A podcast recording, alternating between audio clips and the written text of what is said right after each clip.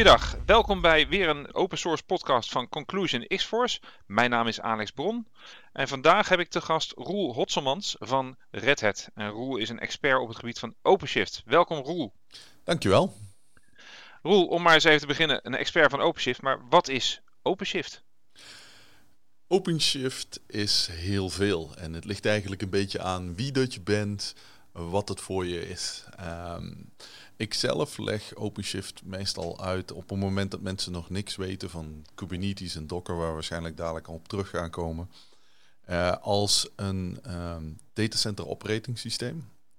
Waarin eigenlijk zowel het, het rekenen, compute gedeelte, als het uh, networking gedeelte um, in samen worden gevormd.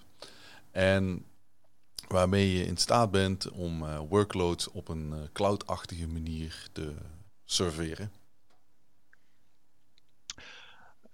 Workloads op een cloud-achtige manier, moet ik dan denken aan containers of uh, draai je complete servers in jouw datacenter in een box? In principe mag je allebei doen. Um, het gebruik van containers is hoe het begonnen is. Hè. Ehm, eigenlijk eh, inmiddels al aardig eh, wat jaartjes geleden is natuurlijk Docker begonnen met zijn uh, Docker packaging format. Nou, dat was ondanks het feit dat het niet zo nieuw was als dat soms lijkt. Hè, we, hadden al containers op LXC en allerlei oudere systemen. Um, wel een, een revolutie. Um, waardoor dat we inderdaad de mogelijkheden om co containers te krijgen. Maar containers zijn niks zonder een systeem dat om kan gaan met die orchestratie van die containers. En uh, nou, eigenlijk als een soort perfect storm kwam niet lang daarna uh, Google bij Red Hat van... Goh, kunnen jullie ons helpen met de open source uh, van de opvolger van Borg, uh, genaamd Kubernetes. En um, de combinatie van die twee dingen stelt ons in staat om op grote schaal, op een cloud-achtige manier, dus pets versus kettle, hè, meer de kettle-achtige manier... Um, een hele hoop containers uit te schalen. En wat je ziet is omdat uh, je toch nog een hoop legacy workloads hebt. Uh, het zij omdat ze aan een bepaald besturingssysteem zijn gekoppeld, zoals Windows workloads.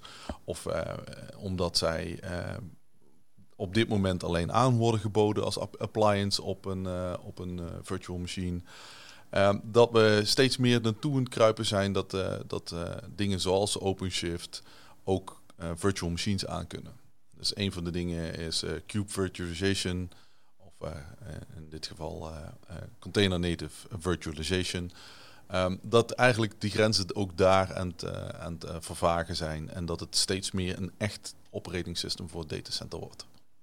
Inclusief netwerken zeg je, ook inclusief storage neem ik dan aan? Ja, maar in, in termen is dat nog een uh, optionele extra. Hè? We hebben OpenShift Container Storage met, uh, met grote voordelen, omdat je natuurlijk cross-cloud replication kunt doen. Hè? En, uh, dynamische storage allocatie en al die voordelen van software-defined storage die, daar, die daarbij horen. maar het is een optioneel onderdeel. Dus je kunt ook zeggen van nou, ik, ik pak gewoon de basis OpenShift. En van daaruit um, kies je wat je extra wilt. Dat is denk ik ook een van de grote krachten van, uh, van Red Hat OpenShift ten opzichte van bijvoorbeeld een Vanilla Kubernetes. Is juist de additionele services die erbij zitten. Ja, nou zeg je ja, het is dus een, een datacenter operating system. Um, moet ik dat in mijn eigen datacenter draaien? Of kan ik dat ook buiten het datacenter in de cloud uh, gaan hosten? Of hoe zit dat? Ja, dat is een hele fijne vraag natuurlijk. Want hier kan ik uh, uitleggen dat eh, OpenShift in, in, principe overal draait waar, waar Red Hat Enterprise Linux, oftewel RHEL, um, gecertificeerd is om te draaien. Dat kan inderdaad bij de cloud providers zijn, de public cloud providers die, ken, die iedereen kent, zoals Amazon en, en Google en, en Microsoft natuurlijk.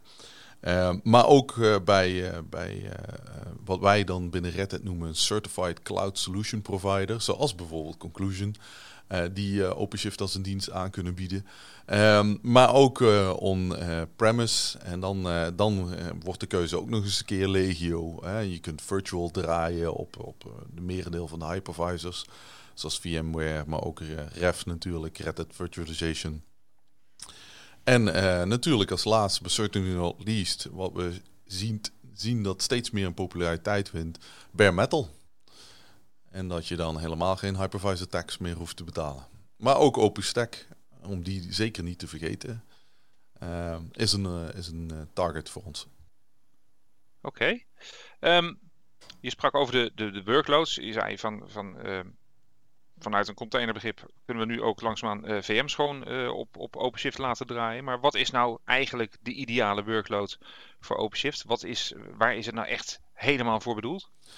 Ja, dat is wel mooi. In, in de origine was het eigenlijk bedoeld voor de 12-factor, cloud native, noem het, noem het bij whatever hype term dat je het wilt noemen, applicatie zonder state. Um, maar dat is eigenlijk al heel lang niet meer zo. Je kunt nu stateful workloads draaien op, uh, op OpenShift. Um, we hebben support voor uh, serverless en function as a service-achtige use cases. Um, er zit um, met container native virtualization doe je ook VM's. Dus eigenlijk er zijn weinig workloads waarvan ik zeg van die zou je absoluut buiten, buiten OpenShift moeten houden op technische redenen. Wat je wel in de praktijk ziet, is dat er nog andere redenen zijn die zwaarwegend zijn om iets niet op een containerplatform te draaien. Uh, zoals licensing bijvoorbeeld. En dat wil nog wel eens een probleem zijn in de praktijk, waar je in de theorie eigenlijk nooit tegenaan loopt. En wat, wat bedoel je daar dan mee, het, het probleem van licensing? Nou ja, er zijn bijvoorbeeld uh, vendoren die, uh, die ervoor kiezen om op het moment dat je iets op een platform te kunnen laten draaien, waar je dynamische allocatie krijgt, dan zeggen van nee, je moet alle machines waar het potentieel op kunnen draaien aflicenseren. Nou, dat, uh, dat druist in, uh, afgezien van de, dat het indruist tegen alles waar Red Hat voor staat, is het ook nog een probleem voor de klant. Want stel je hebt een OpenShift cluster met, uh, met 100 worker nodes en je moet ze alle 100 afcertificeren omdat één van hun misschien eventueel een, een workload kan draaien. Ja, dat is natuurlijk niet schaalbaar, zowel financieel als op alle andere vlakken niet. Ja, nee, dat is duidelijk. Um, je tipte net even aan Kubernetes en, en OpenShift. Uh, de verschillen in extra service. Kun je wat, wat verder daarop ingaan? Absoluut. Um, als je kijkt, Kubernetes um, is een fantastisch framework voor het schedulen en, uh, en, en, controleren van de lifecycle van, uh, van containers at runtime. En um, OpenShift is veel meer dan dat. Dus waar de analogie die wij heel vaak gebruiken is: Kubernetes is de motor van de auto. Uh, OpenShift is de rijdbare auto. En dat heeft dus te maken met van, het begint eigenlijk al met, uh, met de foundation. Hè? Dus uh, Red Hat OpenShift komt met Red Hat Core OS als, als basis operatingsysteem. Waar we eigenlijk heel veel slimme dingen in hebben gedaan. Zoals bijvoorbeeld permissies aangepast, um, immutable gemaakt en al dat soort dingetjes. Zodat dat systeem automatisch geschikt is om die workload te draaien. Wat je ook daarvan ziet is dat, uh, nou, dan daarbovenop installeren we gewoon Kubernetes. Hè. OpenShift is Kubernetes, het is een certified Kubernetes. Je kunt er gewoon met kubectl tegen de API aanpraten. Je hebt in principe helemaal geen conversies of dat soort dingen. Maar dan komt het interessante vlak van, oké, ehm, Kubernetes is leuk, maar ik moet monitoring hebben, ik moet logging hebben, ik moet auditing hebben, ik moet security hebben, ik moet networking hebben, ik moet storage hebben. En als je dan gaat kijken van dan moet, komt nog wel wat meer kijken bij het runnen van zo'n platform. Nou, daar heeft Red Hat eigenlijk allemaal proposities voor om dat op te lossen. Uh, en, een, en een manier om dat robuust af te nemen. En dan wordt het nog interessanter. Daarbovenop komen nog een hele hoop workloads. Waar we dus uh, om het platform consumable te maken voor bijvoorbeeld application developers. Zoals een Kafka, Kafka as a service. Of een Istio Service Mesh. Of inderdaad de eerder genoemde Function as a Service. Maar ook een CI/CD-pipeline. En al die extra toeters en bellen. Eigenlijk om te voorkomen dat je een motor binnenhaalt om je DC te operaten. Maar een complete auto binnenhaalt. Daar zit de kracht van OpenShift. Maar het is nog steeds Kubernetes. We zijn nog steeds de second contributor naar Kubernetes. Wij um, hebben nog steeds heel veel impact in die community. Er wordt nog steeds code gedeeld, zoals bijvoorbeeld de, role-based access control in Kubernetes is gewoon gedoneerd door Red Hat naar de community toe. Dus ja, wat is, wat is OpenShift? Kubernetes plus plus eigenlijk. Oké. Ehm, hoe makkelijk kom je dan als je op een gegeven moment een idee hebt van ik wil een zodanige applicatie bouwen? Hoe makkelijk kom je dan van idee en van development op uiteindelijk een running applicatie in je OpenShift platform? Nou ja, als je een OpenShift klaar hebt staan, kan het zo simpel zijn als een commit naar een Git repository. Dus uh, een van de dingen die we hebben binnen, binnen OpenShift is de mogelijkheid om van source naar een uh, running image te gaan. Source to image heet het. Um, dus dat is een, een mogelijke route. Heb je echter nog helemaal niks staan, uh, dan hebben we verschillende manieren om je toch te helpen naar een niveau waar je zegt van oké, daar kunnen we wat mee. Uh, het zijn met trainingen, het zijn met partners, het zijn met onze eigen consultancy, het zijn met. We hebben een learn.openshift.com website waar je labs kan vormen. Um, en we hebben zelfs een, een culture and practices training voor je als je zegt van nou, het probleem zit niet zozeer in de techniek, maar in hoe werk ik nou in zo'n wereld. dus eigenlijk al, uh, al alle facetten kunnen we je mee helpen. Sterker nog, ik heb zelfs uh, misschien een leuk anekdotetje, als uh, zijsprongetje.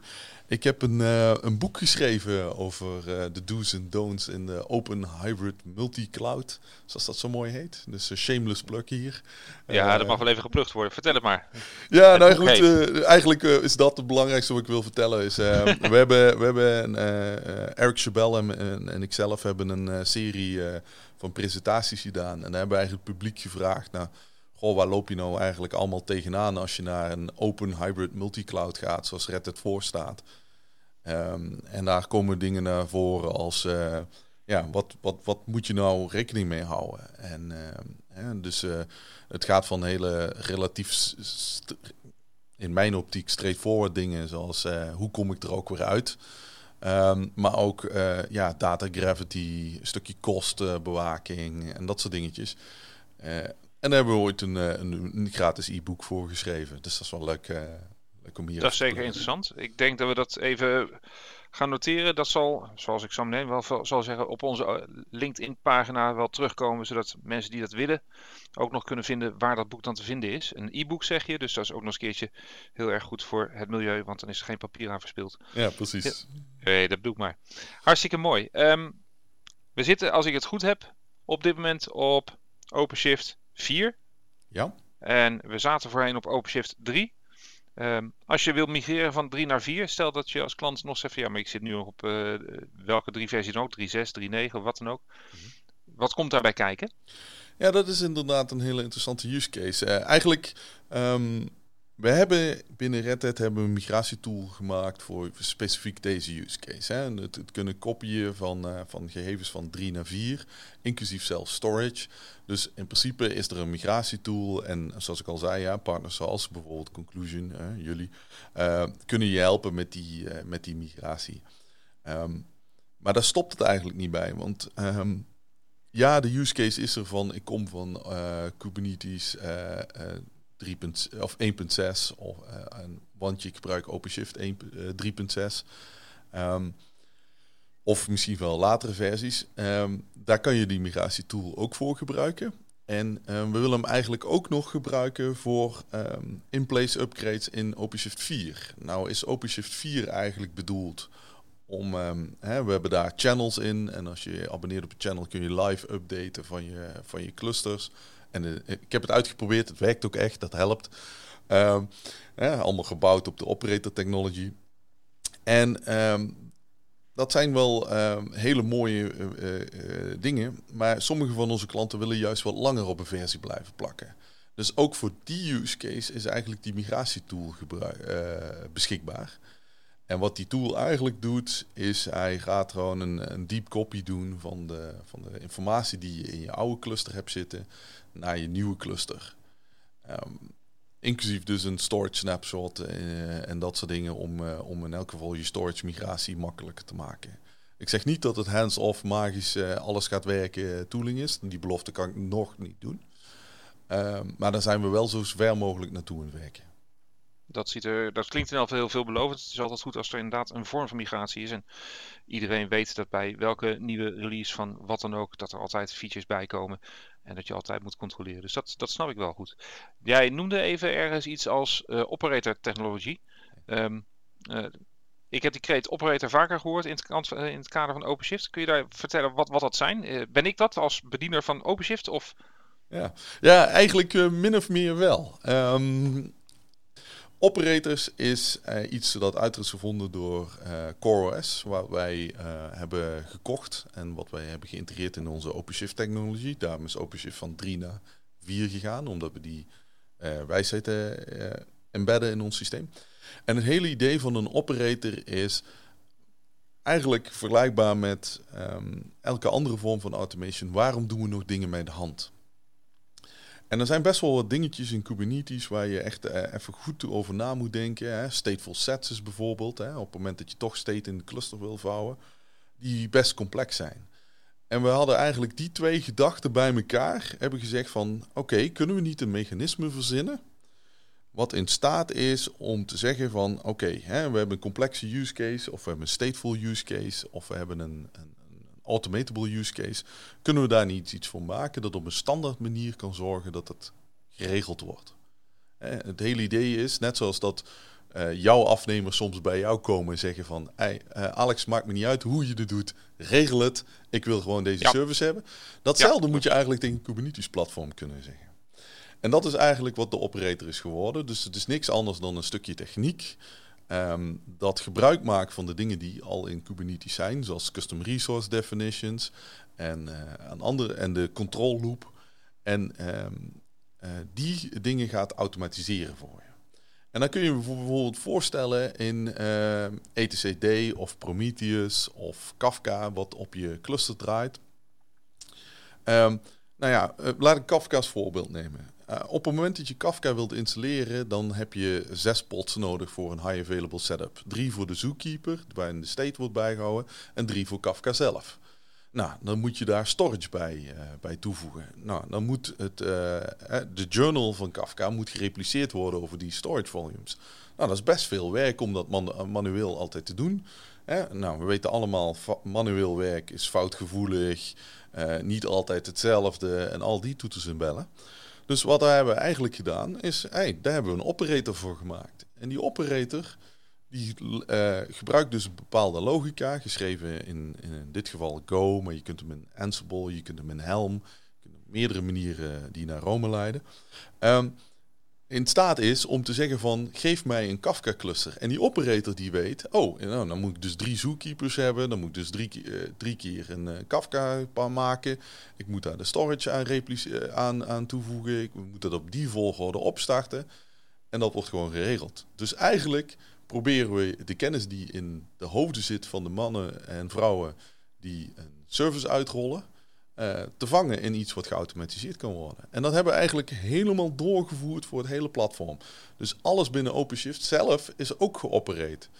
Uh, en wat nou het krachtige is, is dat we daardoor in staat zijn om live updates te pushen naar customer clusters. Um, en dan tegen die customer te zeggen van, nou, zeg maar, update nu. En wat hij gaat doen, is dat de operator heeft dus de logica. Oké, hey, ik krijg een nieuwe versie. Dat betekent dus dat ik eerst de nieuwe versie live moet zetten en dan de oude geleidelijk moet downbrengen. En moet ik dat één voor één doen of moet ik dat in één geheel doen?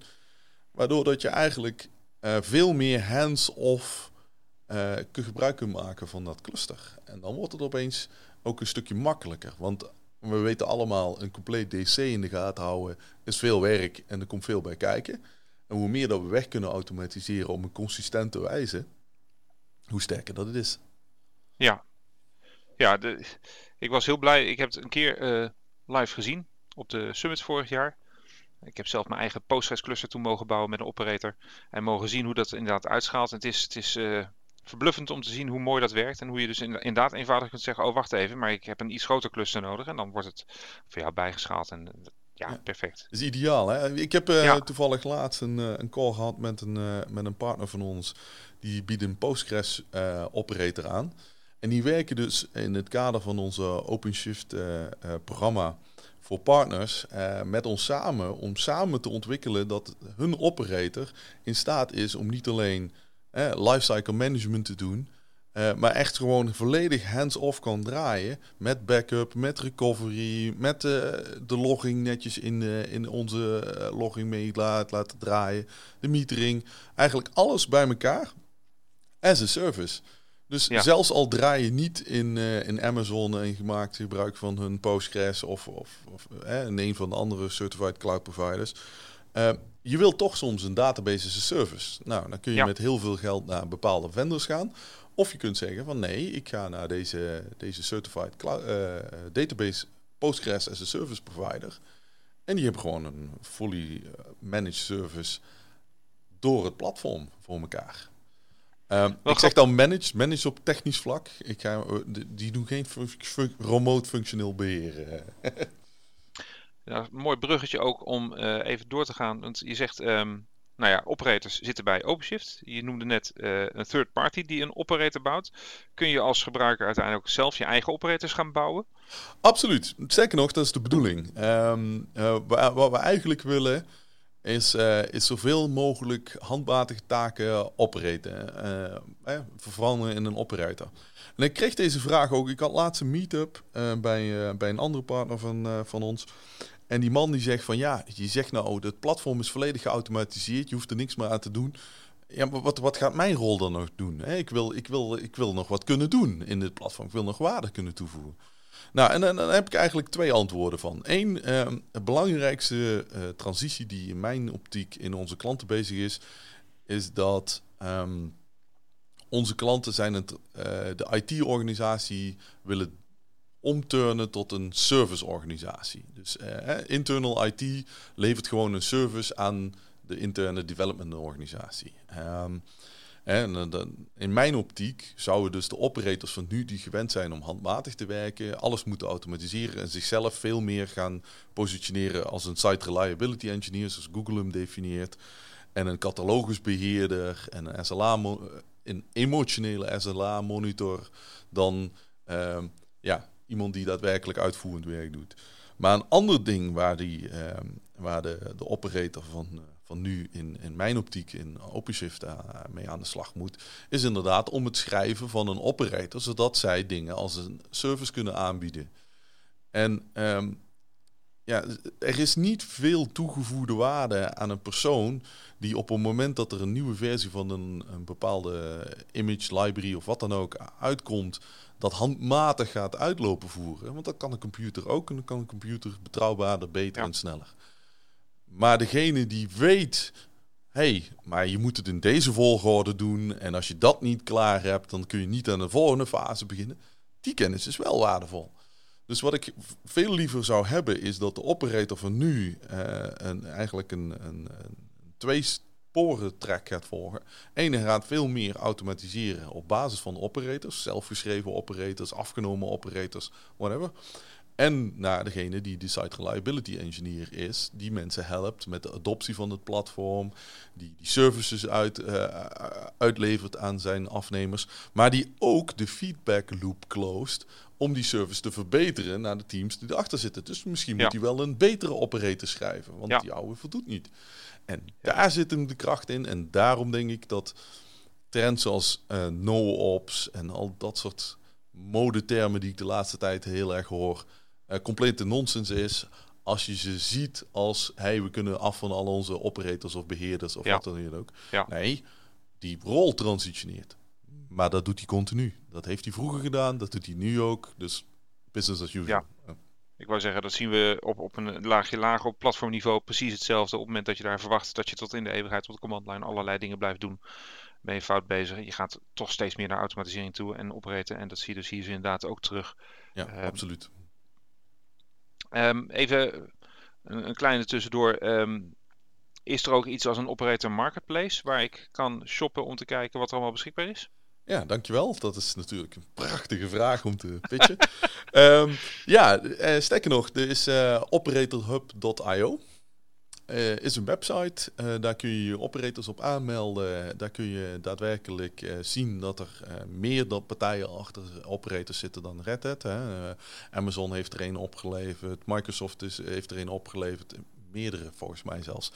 Um, en er zijn een hele hoop partijen die operators aan het bouwen zijn. operators is ook niet iets Red Hat OpenShift specifiek, het is iets Kubernetes specifiek. Um, en daarbovenop hebben we natuurlijk vinden Red Hat nog de, de, de operator marketplace in het platform zelf. Waar we dus ook um, uh, certified uh, third-party uh, dingen in toevoegen, onze eigen operators inzetten. En ook die wisselwerking tussen community en enterprise, eigenlijk zoals je gewend bent van Red Hat, Ja. is gewoon, eh, het wordt ontwikkeld in de open source community en uitgeleverd in de, in de enterprise version. Met support en al dat soort dingen. Ja, ja dat is eh, het bekende verhaal, zou ik bijna zeggen. Ja. Ehm, Ik hoop het wel. Nou, voor mij wel. Maar goed, voor de luisteraar moeten we dat inderdaad even afwachten. Kunnen we misschien niet vaak genoeg herhalen. Ehm, kijkend naar, naar roadmap en dergelijke. Wat, eh, op dit moment zitten we op OpenShift 4.3. Drie. 4.3. Wat is, wat is nieuw en hot en booming in 4.3 ten opzichte van 4.2? Nou, ik Of denk 4.0? de, de, de belangrijkste. de- de- luister, eh, net als elke OpenShift release eh, zijn er legio wijzigingen. Hè? De, eh, in dit geval de Kubernetes version is, is opgehoogd eh, naar eh, 1.16. Eh, we hebben de networking aangepakt. We hebben de, de meer installers out of the box toegevoegd. Hè? Dus OpenShift 4 is anders dan 3. Gebruikt Terraform voor de uitrol van, van, van een voor de, ge- de gedefinieerd cluster. Ehm, ja, dat werkt toch wel wat soepeler met, eh, met de public cloud providers. En eh, ook on-prem zijn we eh, bezig om zoveel mogelijk in die installer al out of the box te laten werken. Nou, en binnen termen noemen we dat installer provisioned infrastructure. Ehm, die installer die kan zelf de infrastructuur aandoen, de networking creëren en dat soort dingen. Maar we hebben ook de user provisioned infrastructure hè, voor de mensen die meer flexibiliteit nodig hebben. Maar voor mij, hè, ik zit dan met name richting de financial services, is de, aantal wijzigingen die we hebben gedaan voor security en compliance het meest belangrijke. Dus eh, we hebben FIPS eh, support toegevoegd binnen het platform. eh, een belangrijke standaard, met name ook in een overheidsland. of Amerikaanse overheid, want ja, god, dat zijn toch wel grootgebruikers van ons platform. Maar ook disk encryption, etcd encryption. Dus dat zijn typisch gezien dingen waar ik zie dat er heel veel vraag naar is. En hoe ziet eigenlijk die, die lifecycle van OpenShift eruit? Hoe vaak komen er nieuwe releases uit en zo? In principe volgen gewoon de, de Kubernetes release cycle. Hè? Dus elke drie maanden wordt er een nieuwe release gemaakt. Dus eh, nou, OpenShift eh 4.3 is van, eh, van begin dit jaar. Dus je mag zo'n beetje rond einde april gaan denken aan, aan de volgende release. Of natuurlijk, net zoals altijd, release momenten zijn eh, subject to change, als dat zo mooi heet. Maar dat is zo'n beetje wanneer je mag verwachten. En dan drie maanden daarna, dus zeg je, eh, nou, rond augustus, ja, eh, juli, augustus mag je, mag je 4, 5 verwachten. En zo on en zo voort. En dan ben je ook gehouden om zo snel mogelijk van 4.3 naar 4.4 te gaan, omdat je anders niet meer gesupport bent? Of blijven die versies toch nog een tijdje doorgesupport? Nou, daar hebben we eigenlijk een heel leuk verhaal bij. Want eh, we hadden laatst een, eh, een hele belangrijke critical security issue. Ehm, en toen eh, moesten we kijken, dus waar, dat was ja, nog eigenlijk net voordat OpenShift 4 uitkwam. Ehm, en toen gingen we kijken, oké, op welke versies zitten onze klanten en waar helpen onze klanten mee? En we hebben dus de patch uitgerold van niet van de, puur de laatste versie, maar all the way naar OpenShift 3.2. Nou, dat is dus Kubernetes 1.2. Nou, hè, jij en ik weten allebei, eh, hè, met drie maanden elke release. Hè, en de 11, ja, 11 was de laatste drie versies, dus dan heb je het over 33 maanden. Dus dat is nogal een tijdje terug. Ehm, dus dat is wel een hele interessante. En hetzelfde gaan we eigenlijk hanteren met 4. Dus eh, uiteraard, zoals ik net zei, hè, we hebben die operators die maken een in-place upgrade van een 4 cluster eigenlijk relatief makkelijk. Hè. Ik zal niet zeggen dat je helemaal niks meer hoeft te doen, maar dat is wel eh, waar, de, waar de wereld eh, naartoe gaat. En het hele idee is natuurlijk eh, dat je daarmee makkelijker bij kan, kan blijven. Ehm, we hebben releases zelfs ingedeeld in een stable channel, in een fast track channel voor als je vooruit wilt kijken en een, een nightly channel. Ehm, dat is één manier om, eh, om te zeggen van nou ik blijf bij. Maar ehm, voor klanten die zeggen van nou nee, zelfs dat is me te snel. Ja, dan daarvoor hebben we die use case met die migratietool. Dat we zeggen van nou oké, Ja. nou dan blijf je voorlopig op uh, nou, 4.3 is nou, uh, nou uit. Je zegt van nou 4.4 is, komt niet uit. Uh, en, en, tegen de tijd dat je er wel tijd voor hebt, ga je naar 4-5. Nou, dan kun je ervoor kiezen om te zeggen van nou, ik ga van 4-3 naar 4-4 naar 4-5. Of je zegt met basis van die migratietool, nee, ik ga van 4-3 naar 4-5. Of zelfs nog verder. Ja. Um, qua support, OpenShift heeft op dit moment ik zit even te denken. Sowieso drie jaar, maar volgens mij zelfs nog langer support. Ik zou het even op moeten zoeken. Ja, nou, dat, dat lijkt me een uh, behoorlijke termijn. Zeker als je ziet hoe snel die ontwikkelingen inderdaad allemaal gaan. Dat, dat kun je niet tot in de eeuwigheid blijven supporten dan. Nee, maar ehm, typisch is dat we wel uh, tot nu toe... Uh, met drie was dat in elk geval voor het geval. Ik, ik, voor zolang dat vijf niet op de roadmap staat... mag je hopelijk verwachten dat het hetzelfde blijft maar dit is een persoonlijke mening, pin Red Hat daar niet op vast, is dat uh, het waarschijnlijk is dat de, de, de, de, support cycle gewoon verlengd wordt, omdat Red Hat geeft support op, uh, uh, op basis van de subscriptie, die sowieso niet aan een versie gebonden, ja. maar voor een specifieke versie, eigenlijk zolang de major version hetzelfde blijft, blijft het support gewoon gegarandeerd. Dus ik mag verwachten op basis van het verleden, hè, geen garanties voor de toekomst, dat die, uh, dat die window ook wel langer gaat worden. Ja. Oké, okay, mooi. Um, nu gaan wij, Conclusion, samen met jullie, Red Hat, een heel erg leuk event organiseren. Rondom OpenShift en rondom Quarkus. Om maar even een hele nieuwe term te gooien. Ja. Nou ja, nou ben ik zelf niet zo'n OpenShifter, dus Quarkus, vertel me even, wat is dat dan? Wat lost dat op? Nou ja, dat is, een, uh, dat is weer een hele interessante van... Eh, oké, wat is nou de meerwaarde van, uh, van met Reddit in zee te gaan als je naar zo'n containerplatform gaat? Um, wat je ziet is dat de meeste cloud native workloads zijn, zijn, zijn gebouwd in, in bepaalde frameworks en in Java. En wat je ziet is dat de consumption van resources voor zo'n individuele container eigenlijk een beetje de pan uit het reizen was. want Java is prachtig. Hè. Ik ben nog steeds een grote fan van de taal. Ehm, het is een ontzettend productieve taal. Ehm, maar waar je tegenaan loopt is dat het eigenlijk niet gebouwd was voor containers. En eigenlijk al helemaal niet gebouwd voor function as a service. Hè. We hebben de getallen, uh, we hebben een onderzoekje gedaan. En als je gaat kijken wat draait nou in function as a service, of, ehm, dan zie je eigenlijk dat, uh, dat Node en Python eigenlijk daar een beetje de strijd gewonnen leken te hebben. En dus hebben we eigenlijk uh, met een aantal uh, teams binnen Red Hat uh, bij elkaar gezeten. Hè. Dus denk daarbij aan de, de mensen die aan, aan microprofile werken. Denk daarbij aan de mensen die aan de applicatieservers van ons werken. Denk daarbij aan mensen die aan Reactive werken bij, binnen onze organisatie. Hebben gezegd van kan dat nou niet slimmer? En ehm, nou, een van de grote voordelen is eigenlijk net zoals de Perfect Storm bij Docker en Kubernetes is er net op dat moment ook een Graal VM uitgekomen. En die uh, staat ons uh, toe in combinatie met Quarkus om een aantal dingen te verplaatsen van runtime naar compile time.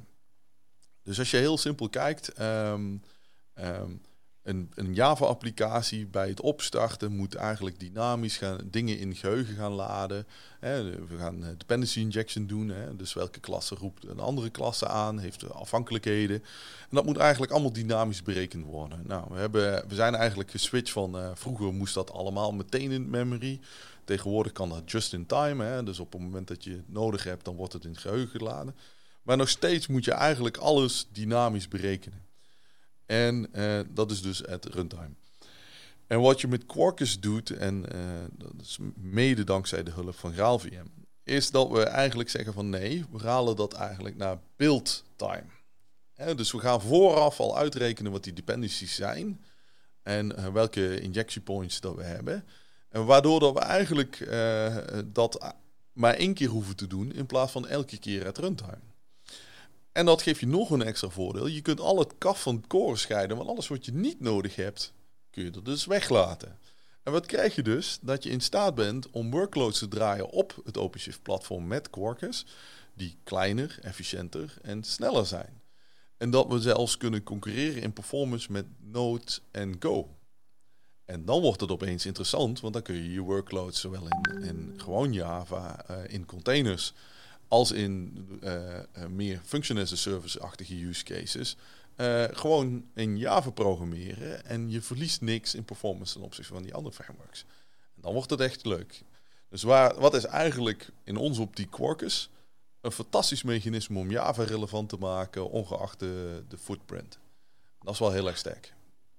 Dat is wel ook dusdanig complex dat ik blij ben dat we een workshop gaan organiseren om dit duidelijk te maken. Ja. Um, meer informatie over die workshop, by the way, via LinkedIn zometeen. Uh, de Conclusion X-Force LinkedIn pagina zal je vertellen wanneer en waar die workshop plaatsvindt, hoe je ervoor kunt inschrijven enzovoort. Want um, ja, uh, dit moet je gewoon geprobeerd hebben om het helemaal te begrijpen. Ja, nou, het, is, het, mooie is, uh, als je een beetje feeling hebt met Java, dan, dan, dan, dan snap je dit wel. Want uh, er zit gewoon een hele grote, grote overlap tussen Java wat je gewend bent en uh, de tooling die je gebruikt. Uh, tussen gewoon, uh, hè, noem het de Spring Boot van deze wereld of de andere frameworks. of onze reguliere applicatieserver en Quarkus. Dus eigenlijk qua curve is er eigenlijk niet zo'n hele grote curve van wat je nou moet leren. En dat is wel heel sterk.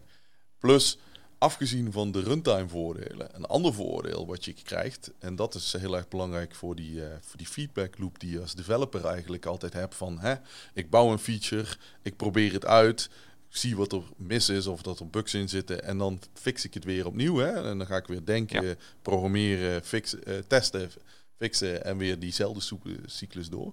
Is dat Quarkus ook nog eens in staat is om live coding te kunnen doen. En uh, live coding um, betekent gewoon, ik kan mijn Java-klasse aanpassen. En daadwerkelijk meteen op het moment dat ik save duw, zie wat het verandering is. En dat was natuurlijk binnen Java absoluut onmogelijk in de oude wereld. En met Quarkus is dat wel mogelijk. Zelfs tot aan database-wijzigingen. We leveren Hibernate met Panache uh, mee.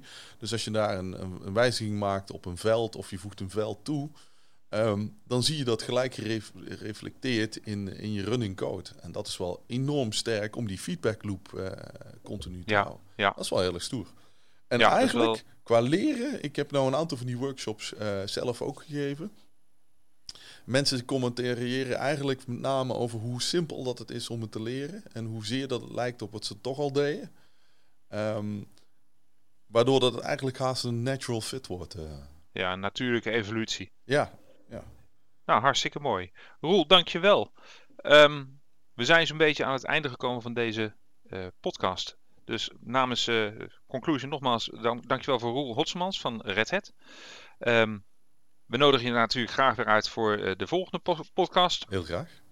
Die zal wel op, op termijn worden aangekondigd via ons LinkedIn kanaal. Alle informatie over niet alleen onze podcast, maar ook alle andere activiteiten die Conclusion X-Force organiseert, zijn terug te vinden op ons LinkedIn-kanaal, op onze LinkedIn-groep. Uh, denk daarbij ook aan onze kennissessies, uh, waarbij je dus gewoon live sprekers hoort in plaats van dat je ze alleen via de podcast kunt beluisteren. Van harte welkom bij die dingen. En dankjewel voor de aandacht zover. Tot de volgende keer.